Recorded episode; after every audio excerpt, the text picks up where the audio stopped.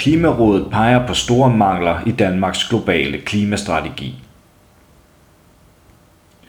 Der er ifølge Klimarådet store mangler i den globale klimastrategi, som regeringen udsendte kort før den udskrev valget her i efteråret.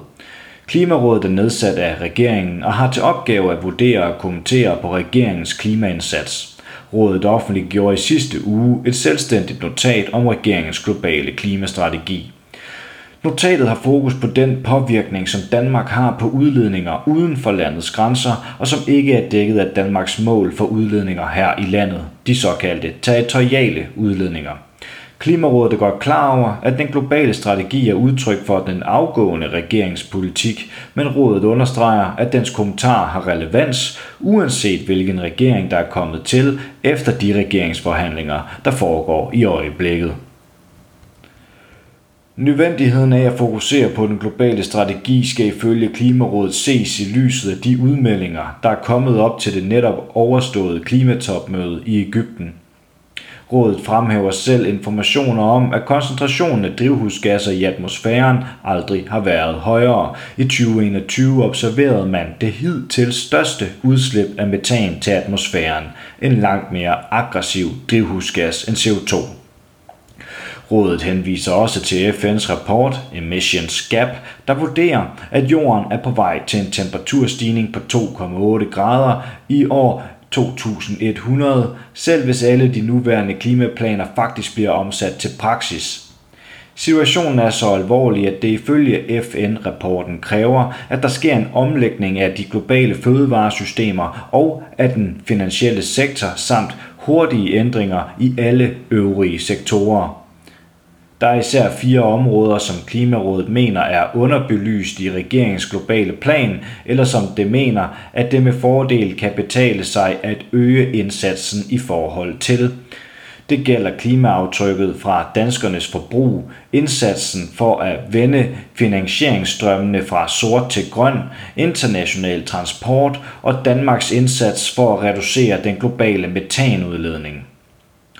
Klimaaftrykket fra det danske forbrug bliver i øjeblikket opgjort til 63 millioner tons CO2.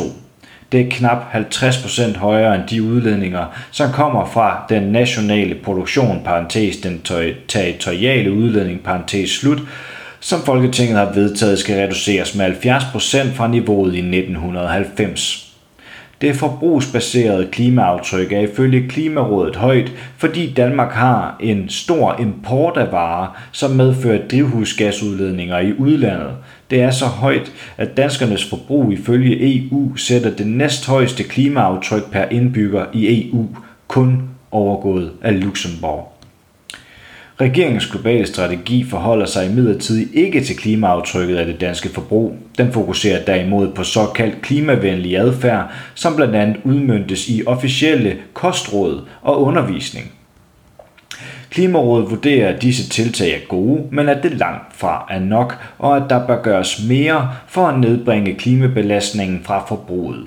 Specielt set i lyset af klimalovens princip om, at Danmark skal være et foregangsland. Rådet foreslår derfor, at regeringen udarbejder pejlemærker for reduktion af klimaaftrykket fra danskernes forbrug, samtidig med at der hurtigt i gang sættes tiltag for at nedbringe klimabelastningen fra særligt klimabelastende varegrupper. For at dæmpe udledningerne fra forbruget anbefaler rådet, at der sættes konkrete mål for at nedbringe udledningerne fra forbruget i den offentlige sektor, som i Danmark er stort. Rådet anbefaler ligeledes, at der lægges afgifter på udvalgte varer som kød, produkter, der er forbundet med skovrydning og skovforringelser og på flyrejser. Rådet gør opmærksom på, at indtægterne fra afgifterne kan føres tilbage til forbrugerne på en måde, så de ikke rammer socialt skævt, hvis det ønskes politisk. Hverken det forbrugsbaserede klimaaftryk eller Danmarks territoriale drivhusgasudledninger fanger det samlede billede af Danmarks klimapåvirkning, fastslår Klimarådet. Rådet peger på, at ligesom det er tilfældet med forbruget, giver den danske eksport anledning til udledninger, som danske virksomheder og forbrugere kan påvirke ved at ændre adfærd. Helt konkret udledte dansk eksport i 2020 næsten dobbelt så meget CO2 som det danske forbrug. Rådet oplyser, at disse udledninger kan stamme fra danske rædderiers internationale fragt af varer, men også fra import af råvarer og halvfabrikater, som indgår i dansk produktion, der efterfølgende eksporteres fra Danmark. Rådet nævner konkret eksemplet med dansk import af soja, der bruges til at fodre danske grise med, som derefter eksporteres som svinekød til udlandet. Et andet eksempel er import af stål, som indgår i produktion af vindmøller i Danmark, der efterfølgende eksporteres til udlandet. Derfor opfordrer Klimarådet også på eksportens område til, at regeringen formulerer nogle pejlemærker for nedbringelse af udledningerne, der ifølge rådet kan spille sammen med initiativer og standarder inden for virksomheders klimaansvar og klimarapportering. Fly og skibe er en væsentlig kilde til udledning af drivhusgasser, oplyser rådet men international luftfart og skibsfart tæller ikke med i de territoriale udledninger, som landene skal indrapportere til FN. Rådet konkluderer, at international skibsfart og luftfart generelt kun spiller en lille rolle i de nationale opgørelser. Landene har mulighed for at inkludere disse udledninger i deres nationale klimamål, som der meldes ind til FN, men rådet konstaterer, at der er meget få lande, der benytter sig af den mulighed.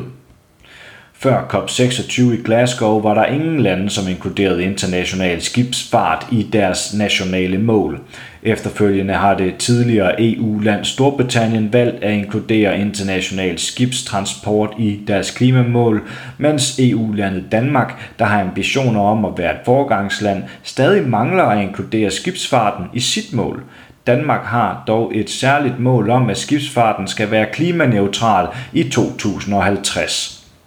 Hvis Danmark indregnede udledninger fra danske selskabers internationale skibsfart og transport på land, ville Danmarks samlede udledninger i dag slet ikke være reduceret i forhold til basisåret 1990, ifølge Danmarks Statistiks grønne nationalregnskab.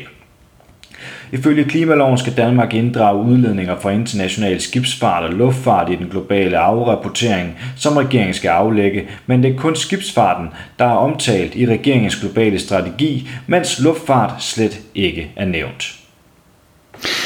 Du har lyttet til en artikel fra Arbejderen. Abonner på vores podcast på iTunes, eller hvor du ellers hører din podcast. Du kan også klikke ind på arbejderen.dk for meget mere journalistisk indhold. Du er også velkommen til at følge Arbejderen på YouTube, Facebook, Instagram eller Twitter, samt tilmelde dig Arbejderens daglige opdatering på Messenger. Vil du i kontakt med redaktionen, kan det ske ved at sende en mail til redaktion Tak fordi du lyttede med.